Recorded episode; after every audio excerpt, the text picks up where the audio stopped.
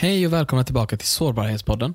I det här avsnittet så pratar vi med Johan Bergvall som är en av Sveriges bästa dancehall-dansare. Han berättar vad dans betyder för honom och hur det är ett verktyg för människor att mötas oavsett bakgrund. Vi pratar även om självkänsla och grupptryck och mer om det i avsnittet, så nu kör vi.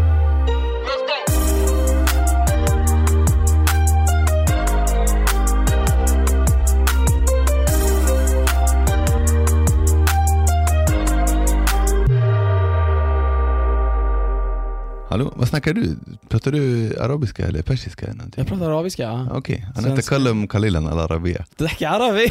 نعم قليلا كيف من وين؟ أنا أنا أتكلم مع أصدقائي مع أصدقائي eh, لكن مع أصدقائي من سور eh, min Swed de behövde lära sig svenska och jag ville lära mig arabiska. Så, vi, Jaha. så vi blandade. Så då jag pratade jättebra arabiska, men nu har jag glömt. Shit vad bra alltså. Mm, men jag pratade massor, alltså. jag pratade varje dag.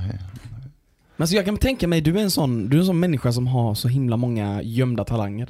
Eh, ja, kanske man säga. Men hur många språk talar du?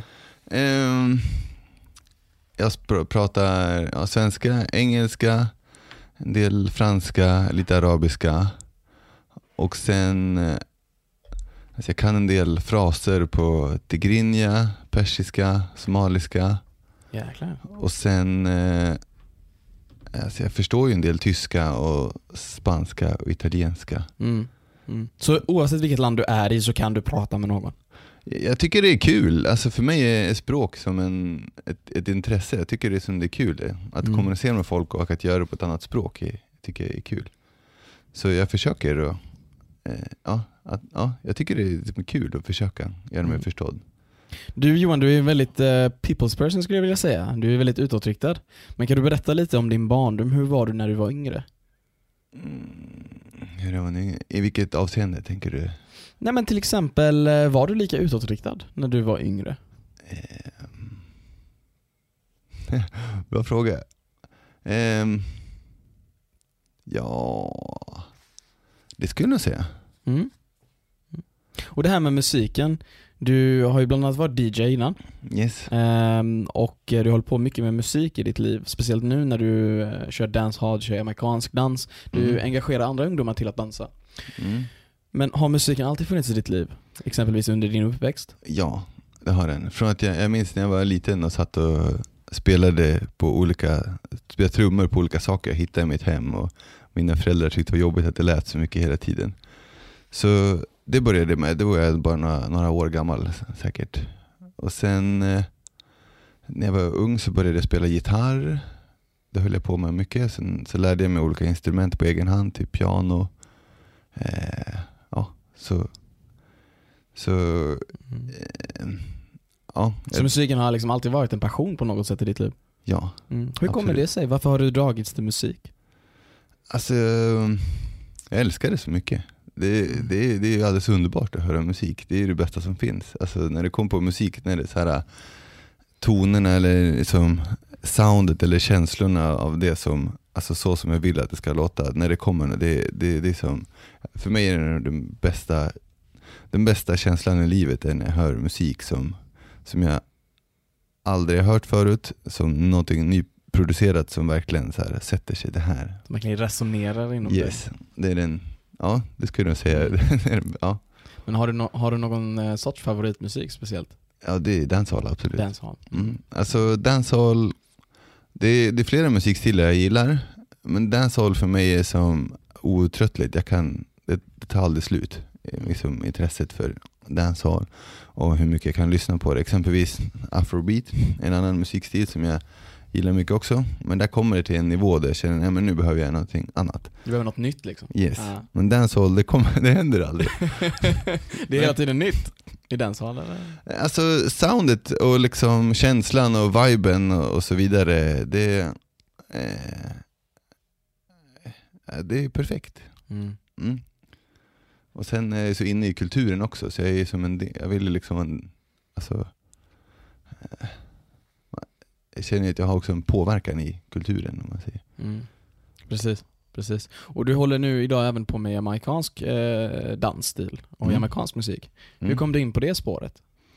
Mm, ja, jamaicansk musik är ju alltså dancehall är ju jamaicansk musik. Eh, och dancehall är ju modern jamaicansk musik, det har funnits sedan Mm. eh, sen 70-80-talet. Ehm, hur jag kom in på det? Ehm, För liksom, jag tänker det här, du gick ju, du var ju golfare, en väldigt duktig, duktig golfare. mm. Så hur går en svensk riktigt duktig golfare som tävlar till att helt plötsligt börja dansa jamaicansk dancehall-musik? Ehm, ja, hur går det till? Alltså, men du, du sa det bra, där, alltså, musiken har alltid funnits i mitt liv. Så vad jag än har gjort så har det ändå funnits. Och innan jag, jag också, när jag var DJ och hade radioprogram, det var också inom dancehall framförallt. Ehm, och för mig, alltså första gången jag hörde, jag fick en CD-skiva av Bob Marley av min pappa när jag var tonåring. Och för, sen när jag hörde det första gången så har jag varit helt fast i, i, i jamaicansk Mm. musik. Mm. Det, har, det var bara direkt när jag hörde det så okej men det här är ju det, det är det här som gäller. Det, Det finns en sjuk rörelse i musiken. I, eh, i just reggae-musik. Ja, Man vill nästan röra på sig när man lyssnar på det. vad bra. Nej men jag tänker på det när Ja. jag kollar på dina videos. Ehm, och just när man hör den, den sortens musik så vill man bara ställa sig upp och börja dansa. Man blir så inspirerad. Och jag tror det är väldigt få sorters musikstilar som får en att känna så.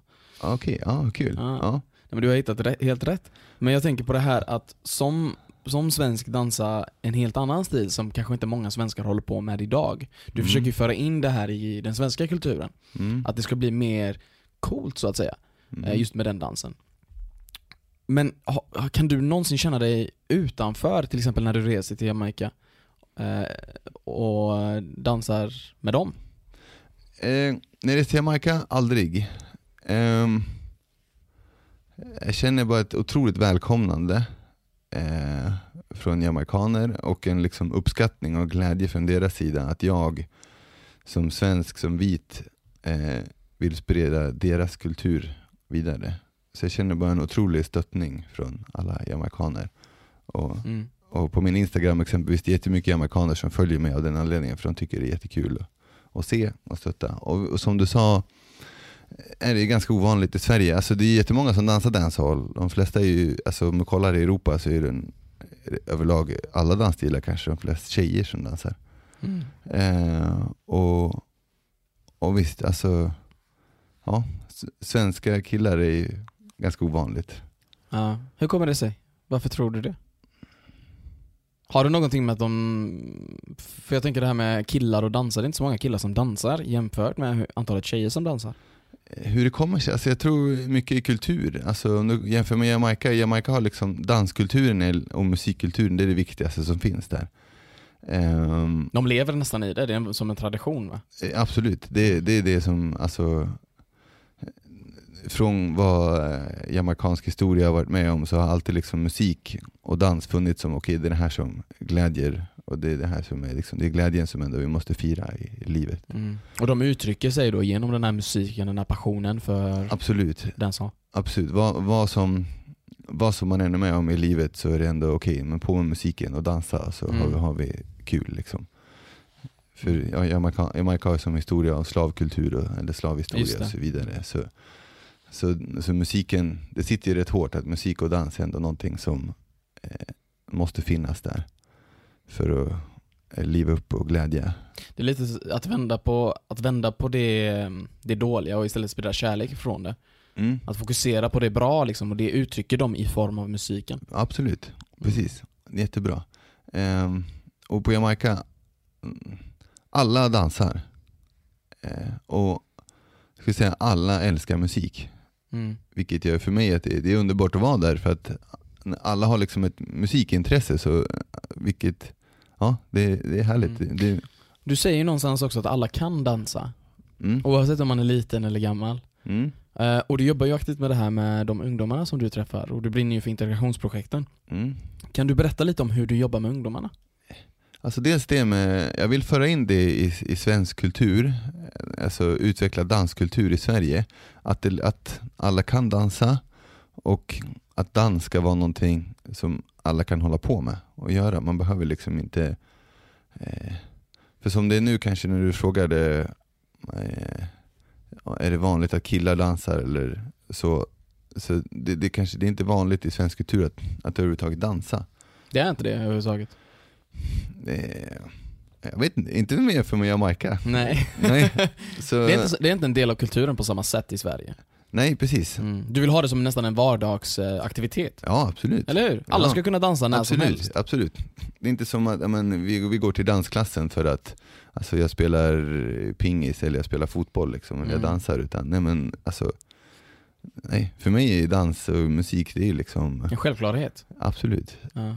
Ja, jag lyssnar på musik i stort sett hela tiden, jag dansar hela tiden. Typ. Så, Kan du komma på dig själv? Du står mitt i gatan bland människor som bara går förbi och så står du och dansar. alltså, jag, kommer på mig, jag, jag vet ju vad jag håller på med hela tiden, men jag, jag dansar ju absolut när jag är på, mitt på stan eller på Coop eller så vidare. Det, Men vad får du för reaktioner? För jag kan tänka mig det är jättekul. ehm, Har du någonsin haft någon som kommer fram till dig och börjar dansa med dig?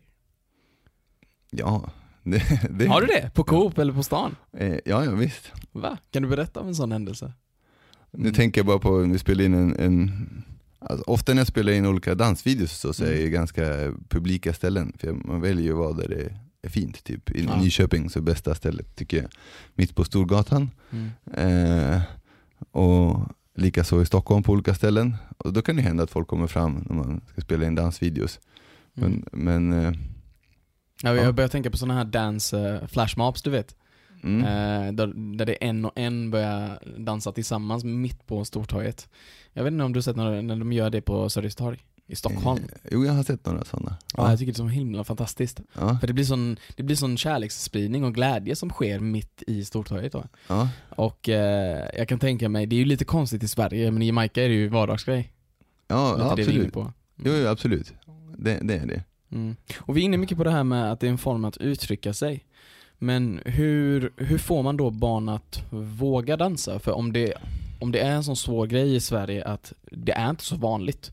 Det är inte så naturligt att dansa Mm. på samma sätt. Så hur engagerar man någon att våga dansa? Yes, ehm, för mig som ledare så är det viktigt att skapa för liksom stämning och miljö kring det. Så eh, ja, folk förväntar sig, det är ändå mitt ansvar att skapa den stämningen. Mm. Så jag försöker ju förmedla vad som jag tycker är självklart, jag tycker det ska vara. Och, och folk kommer till dansklassen och tycker ja men det är perfekt, det är så här det ska vara, det är, det är jättebra. Mm. Det är inga konstigheter liksom. Nej, Mm. Mm. För ju, alltså, du får ju barn att performa och ställa sig på scen och stå framför flera tusen åskådare Mm. efter bara några tillfällen. Alltså Ja. det är ju helt sjukt. ja, Jag hade velat gå din lektion. Ja, bra. Nej men på riktigt. för, för, mig, för, min, alltså för min del så har dans var- alltid varit något svårt för mig. Det sitter inrotat i min barndom. På Mm. grund av hur jag har sett på mig själv. Att jag har skämts liksom för hur jag ser ut. Och jag har haft en viss kroppsångest. Mm. Som kanske inte är så vanligt i Jamaica. Bland barn där på samma sätt som det är här. Mm. Eh, hur, hur märker du själv psykisk ohälsa skiljer sig i Jamaica eh, när det kommer till Sverige? Oh, bra fråga. Situationerna, alltså samhällena är ju totalt olika Mm. i Sverige och Jamaica. De ser ju helt olika ut så att eh, det visar sig på olika sätt skulle jag säga. Mm. Mm. Eh, Men hur, hur får du då de här ungdomarna att känna sig on top of the world som att de kan åstadkomma vad som helst? Hur får de, hur får de det självförtroendet att ställa sig på scen efter bara typ tre tillfällen? Ehm, peppa och motivera. men det är väldigt lätt att säga. Och sen, ja men sen, ja men jag vill ju också liksom, okej de har bara dansat ett par gånger men jag vill ju alltså när man går upp på scen så måste man alltid ha något, något att bjuda på som är liksom intressant för folk att se också. Så det måste ju vara en professionell Mm. uppvisning. Så även om man bara dansar några gånger så måste det vara professionell, professionell grej. Det måste ju folk se. Så, så det är upp till mig att, att skapa någonting som, okej jag får uppleva, okej de, hur, vad kan vi göra liksom? Och, men sen bara motivera, för det är det som är det roligaste. Liksom. Alltså, när man träffas och dansar, man vill ju bara ha kul och peppa varandra och motivera och ha Mm. liksom, the time of our, our lives. Liksom. Det ska vara hur kul som helst. Så, och ja, det är kul att uppträda. och, och många, många som kommer till mig också har ju något som en önskan om att, att faktiskt uppträda. Mm. Att, att de vill det. Så att, eh, Barnen då, eller tänker du alla generellt? Från alla vuxna åldrar? också, barn och vuxna allihopa. Ja. Men, men de kanske inte är fullt va- vana vid det, men, men ändå har ändå någon, någon önskan om att, åh, åh, vad schysst det skulle vara och vara med dansvideo och att det ska se coolt ut. Eller att, att Ja. Mm. kunna stå på en scen hade varit skithäftigt med inför flera tusen. Liksom. För det är en otrolig energi att dansa inför flera tusen, liksom, så att kolla på en. Mm. Men det som är så häftigt, det skiljer sig på det sättet att du behöver inte säga någonting när du dansar. Mm. Utan du uttrycker dig genom ett kropps, alltså kroppsspråk. Mm. Fast du, du säger nu att det, många hade tyckt det vore, vore så co- coolt att ställa sig på scen och de vill verkligen det och de vill uttrycka det sig genom dansen. Mm. Ja, men jämfört med att hålla ett tal, Mm. att ställa sig på scen och bara tala. Mm. Hur kommer det sig att det är så svårare? Vad tror du liksom? Att vilket svar? Tala eller dansa? Att tala än att dansa? Ehm, För båda är ju ett sätt att uttrycka sig, eller hur? Alltså jag tror eh, det kanske det är personligt eller olika individuellt vad som är svårt där. Om det är att tala eller sjunga eller dansa eller vad Mm. det kan vara. Liksom. Och, och, alla de sakerna, man, man bjuder på sig själv, man visar någonting av sig själv. Och, vilket både är väldigt fantastiskt och det kan ju vara rätt så skört också. Mm. Ehm, Jo, verkligen. Och dansen är ju som sagt, du skulle du säga att det är ett verktyg att kunna hjälpa människor att uttrycka sig? absolut. Mm. Mm. Mm. Och det, det har väl antagligen hjälpt dig också att kunna uttrycka dig i olika former? Eh, ja, verkligen. Mm. Och Ja, absolut. Mm. Och jag tycker det, det, alltså dans är ju det är som en fantastisk på många sätt. Det är en uttrycksform. Ehm, jag tycker dans har liksom, för mig har dans allting. Det, du har musiken, du har känslan av musiken, du har uttrycket, du har det är konstnärligt, artistiskt, kreativt, eh, fysisk aktivitet eh, och en massa energi och glädje och, och, och koordination och, och så vidare. Mm. Så för mig det är som dans är som ett paket med allting som jag tycker är viktigt Mm. i livet. Jag kan tänka mig också, det är ett sätt för dig att kunna involvera andra, att föra med dem och kunna leda dem på ditt sätt.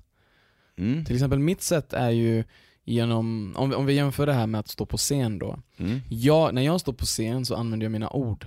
Mm. Jag kan inte dansa. Mm. Men jag har lärt mig under tiden och jag har känt att jag, jag har en grej för att föreläsa, jag har en grej för att tala med människor. Mm. Så jag har använt det för att kunna involvera, engagera människor. Och du Ja. gör det genom dansen. Ja. Mm. Ehm, jag tycker också att det är kul att, att tala så, om man säger Mm. Men eh, ja, jag vet inte, det är olika Mm. uttrycksformer för att inspirera andra. Precis, precis. Mm. Men hur märker du då att det här med grupptryck och självkänsla till exempel. Ehm, hur märker du att dansen ökar, eh, om vi tar de här barnens eh, självkänsla först och främst? Mm. Bra fråga. För hur ska de våga dansa om de inte har självkänslan till att göra det, tänker jag. Ehm. Eh. Ja, Ta din tid, det är lugnt. Alltså, jag tänkte på en annan sak, du sa Mm. det där om språk också. Mm. Att, eh, det finns ju också en fördel med dans, att man inte pratar. Mm. Att man inte behöver kunna, alltså, exempelvis de danskurserna jag hade till en, här för ett drygt år sedan, när, när många började dansa så ehm, var det flera som precis hade kommit till Sverige som inte kunde prata svenska. Vilket var en fantastisk möjlighet eh, att alltså bli kompisar med varandra, man skapar relationer med varandra och man blir viktiga för varandra. Och man kom, de kom liksom in i, fick en, en, som en status och en viktig roll i det svenska samhället men de kunde inte prata så mycket. Och Mm. sen har tiden, tack vare det här, har de utvecklat språket. Och så, ja, det, det är en fördel med dans också. Och, och någonting jag gillar med dans också, att, att var man än åker i världen så, så kan man dansa med varandra. Mm, verkligen, det är som ett universellt språk liksom. Ja precis, alltså, precis. Alltså, det kanske, ja, jag tycker för mig det är som ett språk. När, när vi pratade i början här äh, om olika språk jag pratar, att jag tycker det är kul med språk. Dans är också ett språk, vilket, ja men det kan man också. Det kanske är svårt om man träffar någon med ett språk man inte kan prata, men vi kan dansa ihop. Ja, eller hur? Eller hur? Och Mm. där bryggar du en kontakt, där lär du känna den människan genom den uttrycksformen. Mm. Det sättet att uttrycka sig. Mm. Och när det kommer då till självkänsla, hur jobbar du för att öka människornas självkänsla? Ehm, Till exempel om våra lyssnare känner att fan jag, jag känner jag har så dåligt självkänsla. Jag Mm. vill ha bättre självkänsla. Vad kan man göra för att öka sitt självkänsla? Yes. ehm, jag tänkte, jag har två tips om det ska jag säga. Mm. Nummer ett är att gilla att vara med sig själv. Eh, det ska jag säga är mitt första tips. Så, ja, att man ska gilla att vara med sig själv. Varför är det viktigt? Ehm, För jag tänker, kan inte det kännas väldigt ensamt? eh, men det är ju jätteviktigt, man är ju med sig själv hela tiden. Mm. Du kommer aldrig ifrån dig själv. Och, och, ja, men du är med dig själv hela tiden, vad du än gör. Och det är ju jätteschysst att tycka att det är schysst att vara med sig själv, för då är det ju schysst att leva liksom. Man är sin egna bästa vän nästan. Ehm, Och man måste kunna bli sin egna bästa vän tänker jag då, som du menar då. Ja absolut, det Mm. tycker jag är jätteviktigt. Och, och det kan man träna, alltså eh, Ja, för mig så hade jag en upplevelse när jag var 19 Mm. när jag kände exempelvis det att alltså, jag måste, det måste vara schysst att vara med mig själv annars kommer det inte funka liksom. Eh, och, och sen dess har det varit schysst. Eh, Mm. Kan du berätta om den upplevelsen? Vad var det exakt som fick dig att tänka så? Ehm, jag jobbade som snowboardlärare och det var så här massa folk kring mig hela tiden. Det var jättekul och sen så vid ett tillfälle så var jag ensam och sen så eh, fick jag en känsla att shit, nu, nu är jag ensam liksom. Och sen så då kom jag på, men herregud, så här kan man ju inte känna när man är ensam liksom. Man, man måste ju tycka det är schysst att vara, vara ensam liksom, och vara med sig själv, för det är man ju hela tiden. Mm. Så du jobbade som snowboardlärare vart då? Eh, Idre. I Idre? Mm. Ja, hur länge jobbade du som snowboardlärare? Eh, jag har gjort det, det är på vintern, det gjorde jag, har gjort det ganska många vintrar. Jag kan det, kanske fem år? Ja, alltså herregud, jag tog ju på mig att jag skulle lära mig snowboard förra året. Okej, okej, Så jag har åkt totalt tre eller fyra gånger, apropå snowboard. okej. Och eh, jag började på Gröna Backar förra Mm. året och i, i år när vi åkte under sportlovet till eh, Vemdalen var det då, Mhm, mm. så har jag uppgraderat från gröna till blåa backar. Men right. jag har åkt så många blåa backar att jag har börjat blå, bli blå själv. Och jag stukade vänster fot, så man går lite snett nu. Nej, sitter det kvar? Det sitter lite kvar men det håller på att läka. Okej. Fast det som är så häftigt med med den här känslan, du vet, att man ger sig på någonting helt nytt. Mm. Att man ser utveckling hela tiden och man blir så himla mer eh, man blir så mer motiverad för att lära sig, för att bli bättre på det. Jag kommer ihåg Mm. förra året när jag först började lära mig snowboard, då hade jag en, eh, en, en coach liksom, en snowboardlärare som lärde mig grundstegen. Mm.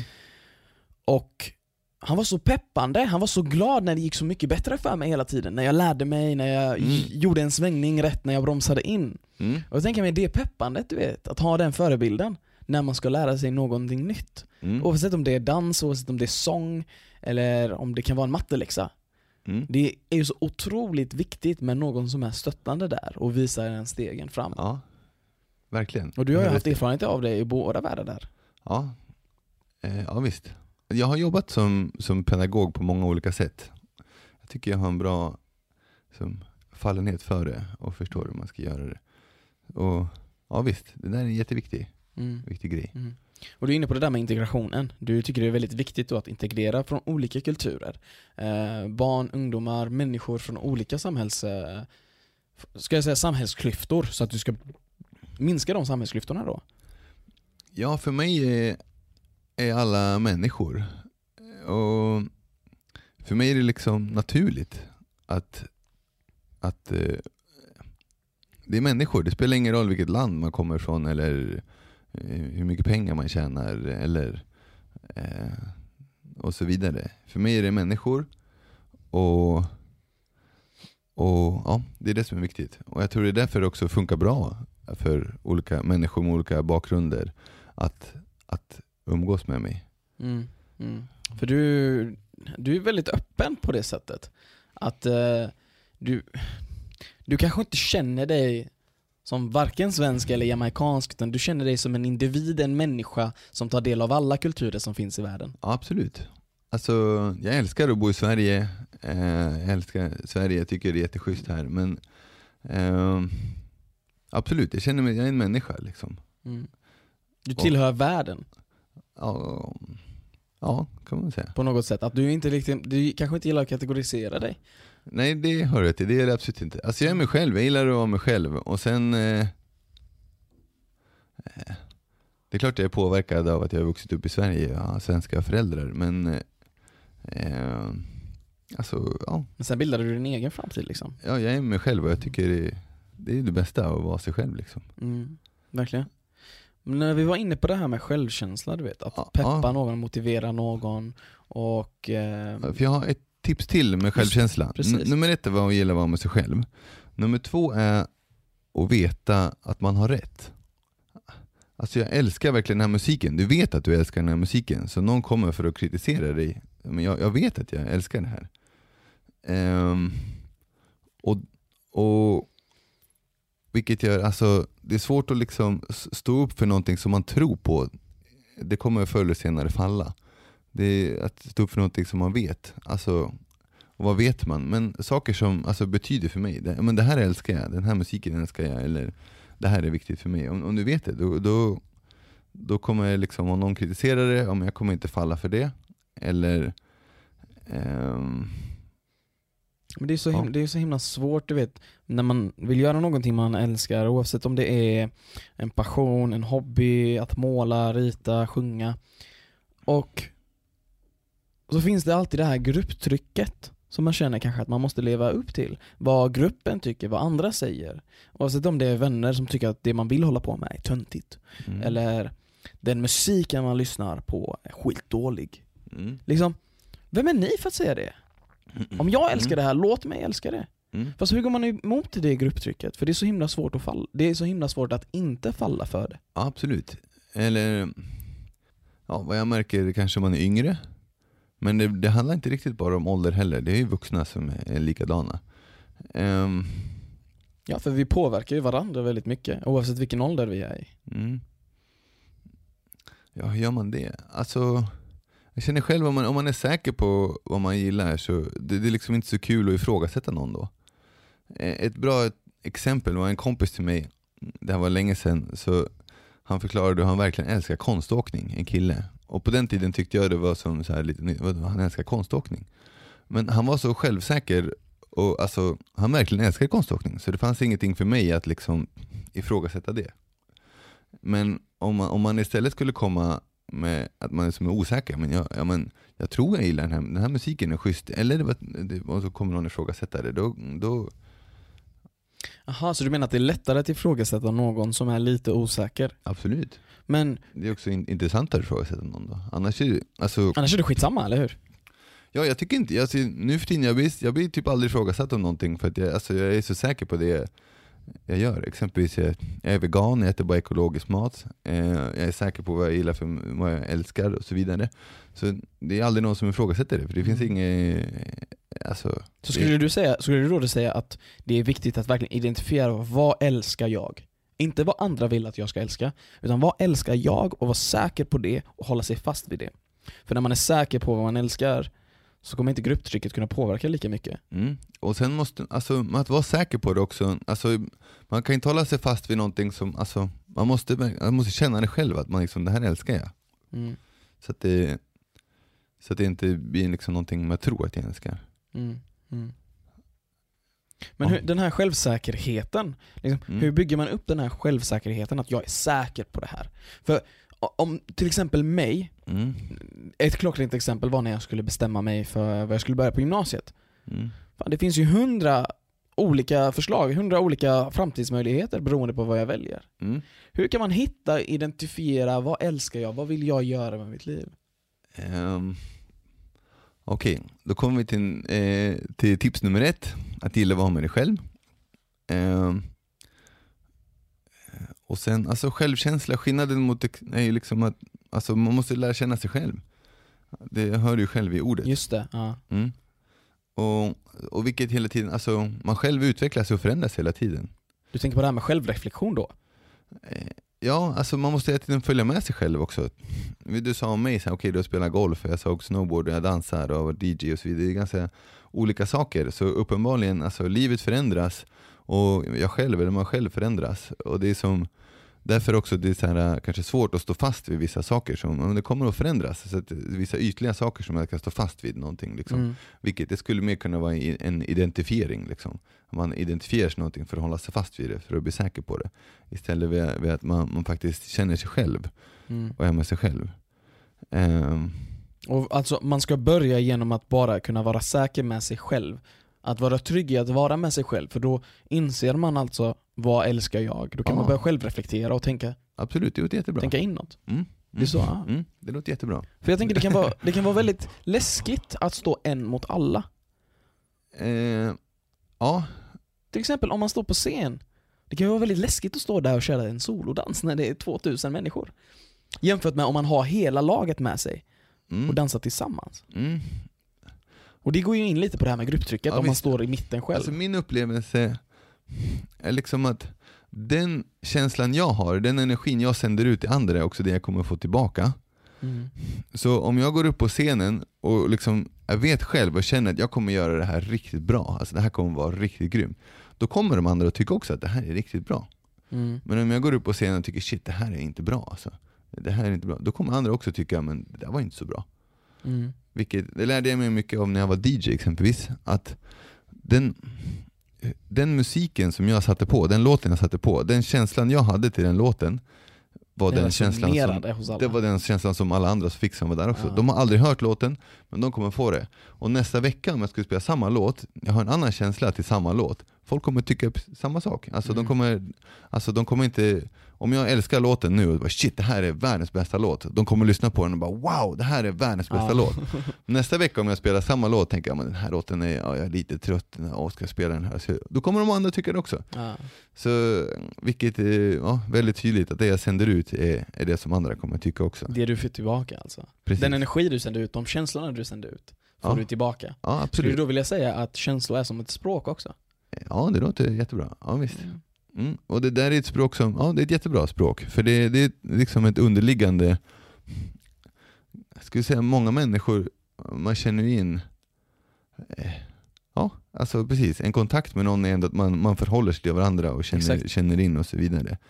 Och om vi pratar om grupptryck och ifrågasätta och så vidare, det är också ett sätt att känna in. Alltså, är den här personen, kan jag ifrågasätta den här personen? Är det inte sant? Mm, mm.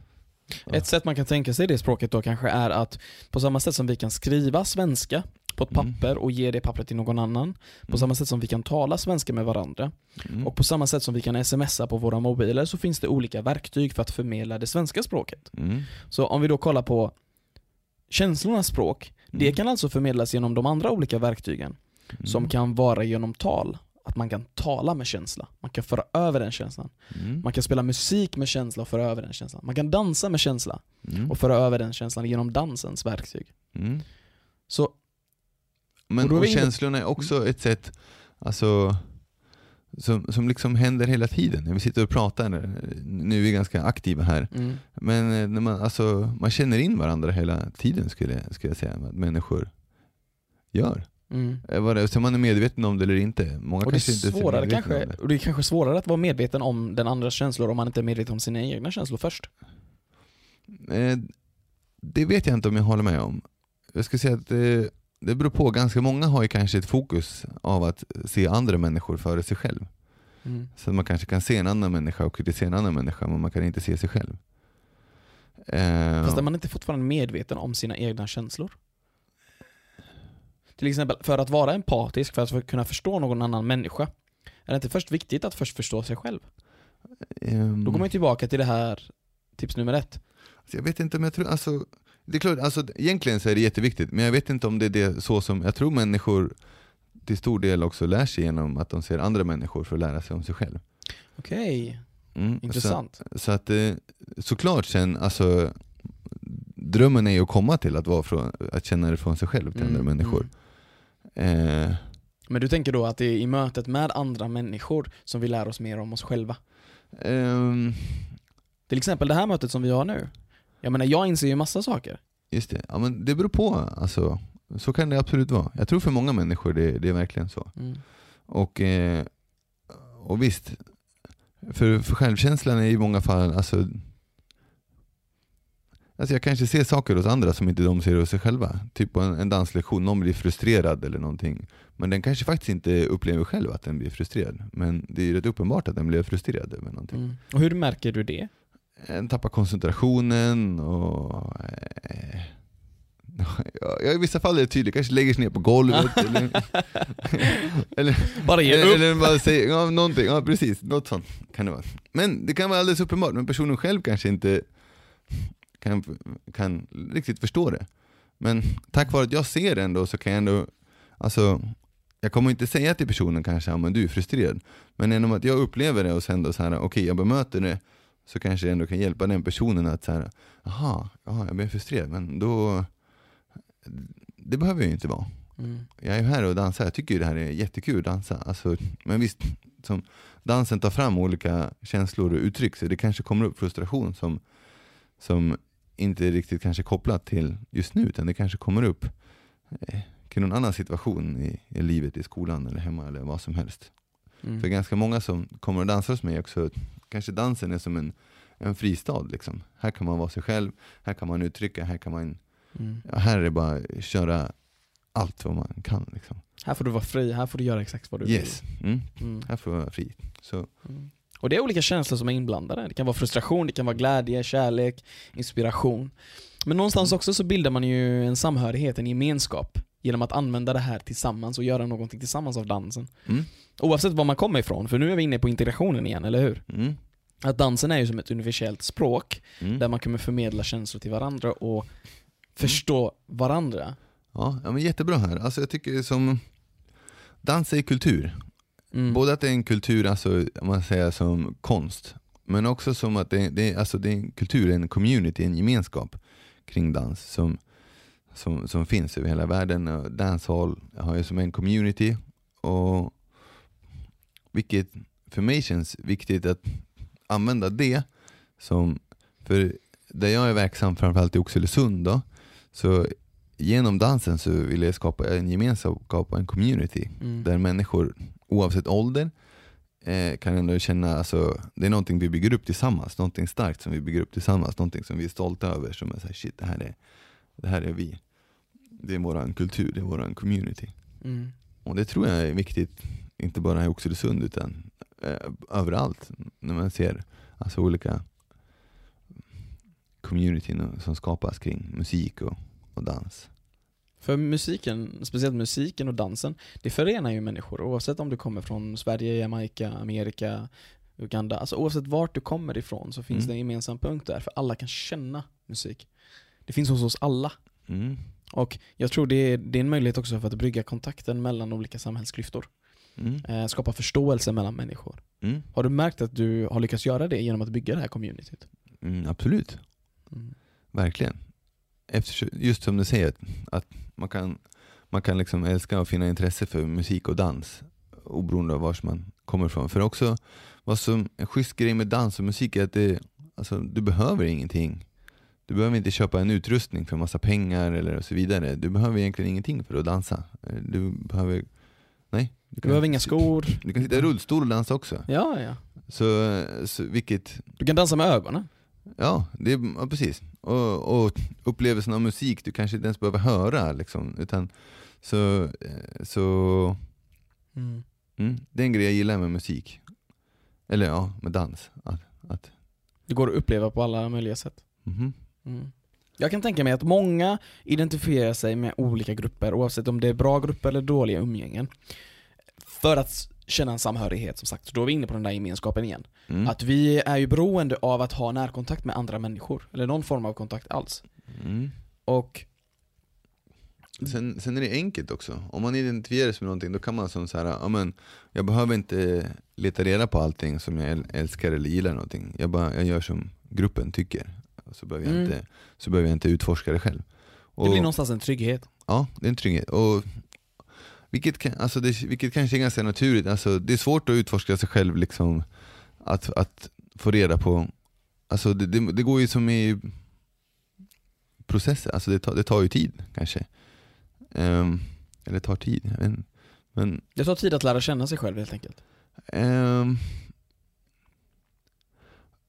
ja, det kanske jag ska säga. Alltså, Att lära känna vad man älskar. man, eftersom man förändras också. Mm. Och, och sen kanske en naturlig process. Jag tycker, för mig känns det ändå ganska naturligt att i, i yngre åldrar så är det ändå kopplat till mera av en, alltså gruppen är viktigare. Eh, alltså, det, det är viktigt att vara som har självkänslan och säkerhet i sig själv och vad man älskar och så vidare. Men gruppen känns ändå ganska naturlig. Mm. Sen kan jag tänka mig att i yngre åldrar så är det också lättare att inte falla för grupptrycket. Och då snackar jag i yngre, yngre åldrar, inte högstadiet, gymnasiet. Mm. Fast när de fortfarande går kanske i lågstadiet, mellanstadiet, F-klass. Sen finns det ju olika grupptryck, olika, jag har märkt vid olika kulturer exempelvis, som, som tycker vi har lärt oss av med danserna, att även svenska barn och ungdomar har lärt sig av kanske folk från andra kulturer, hur man exempelvis i svensk kultur är, har upplevt det väldigt viktigt, alltså ålderssegregering är ganska stort.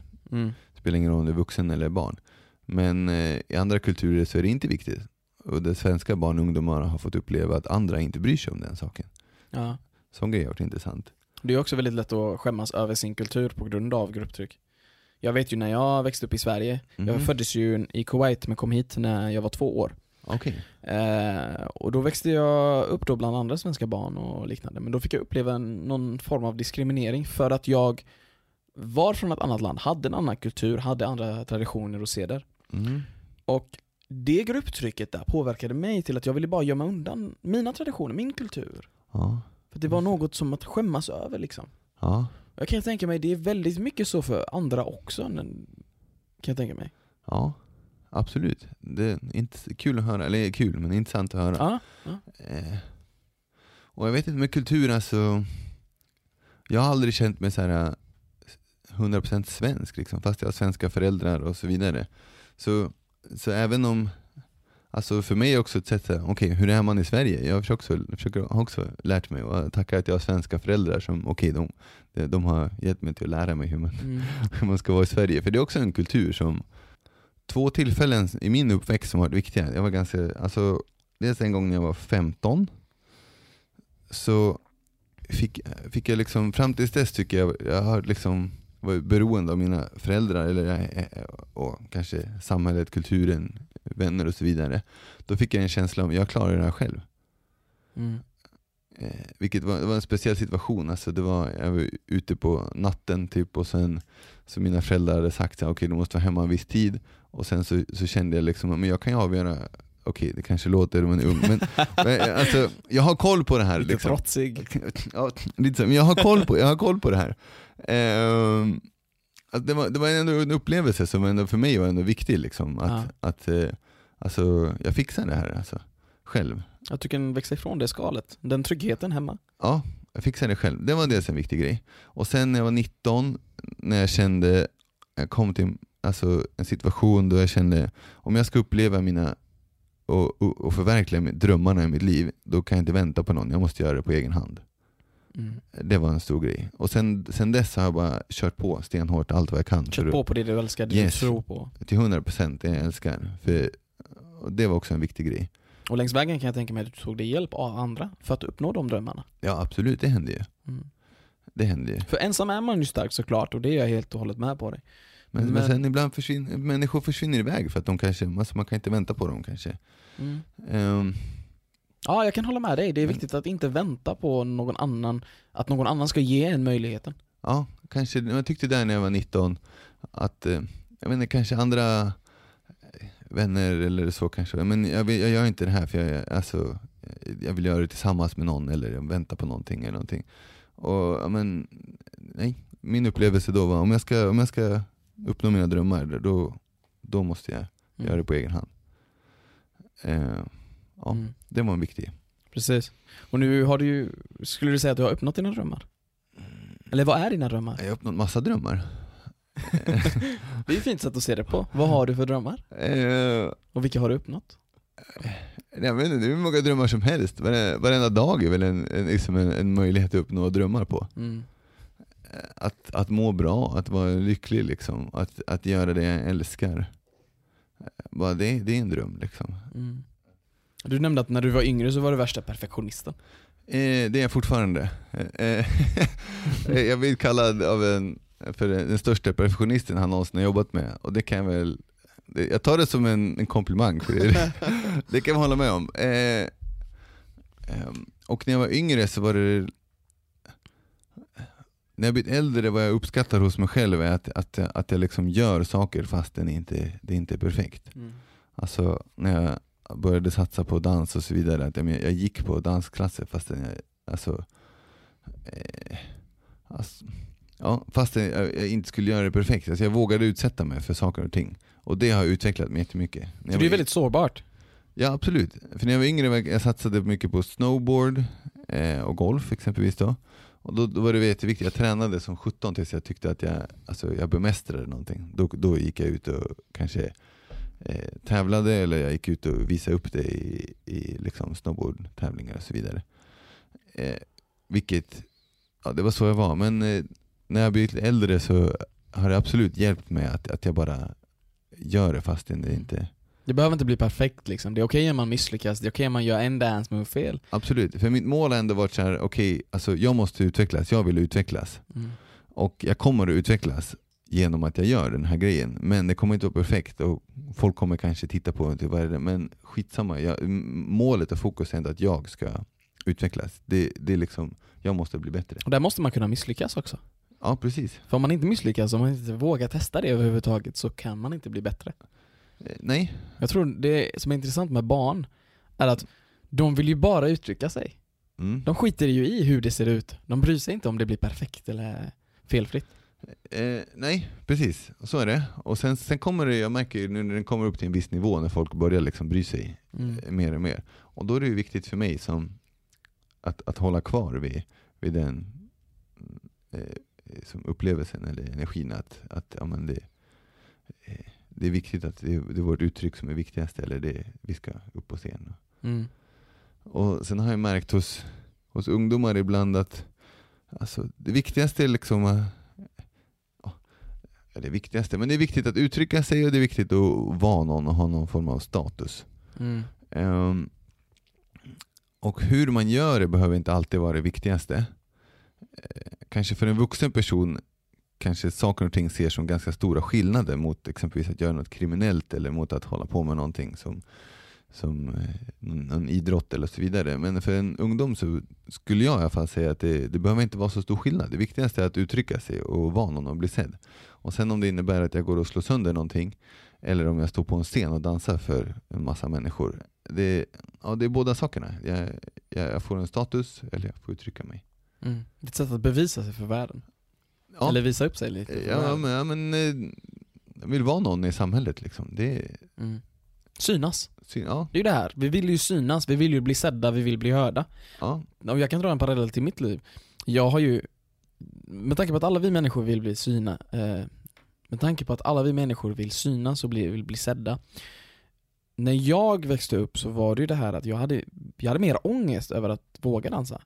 Det var en ångestkänsla för jag vågade inte uttrycka mig på det sättet. Jag skämdes lite över min kropp på grund av mobbing och utanförskap. Mm.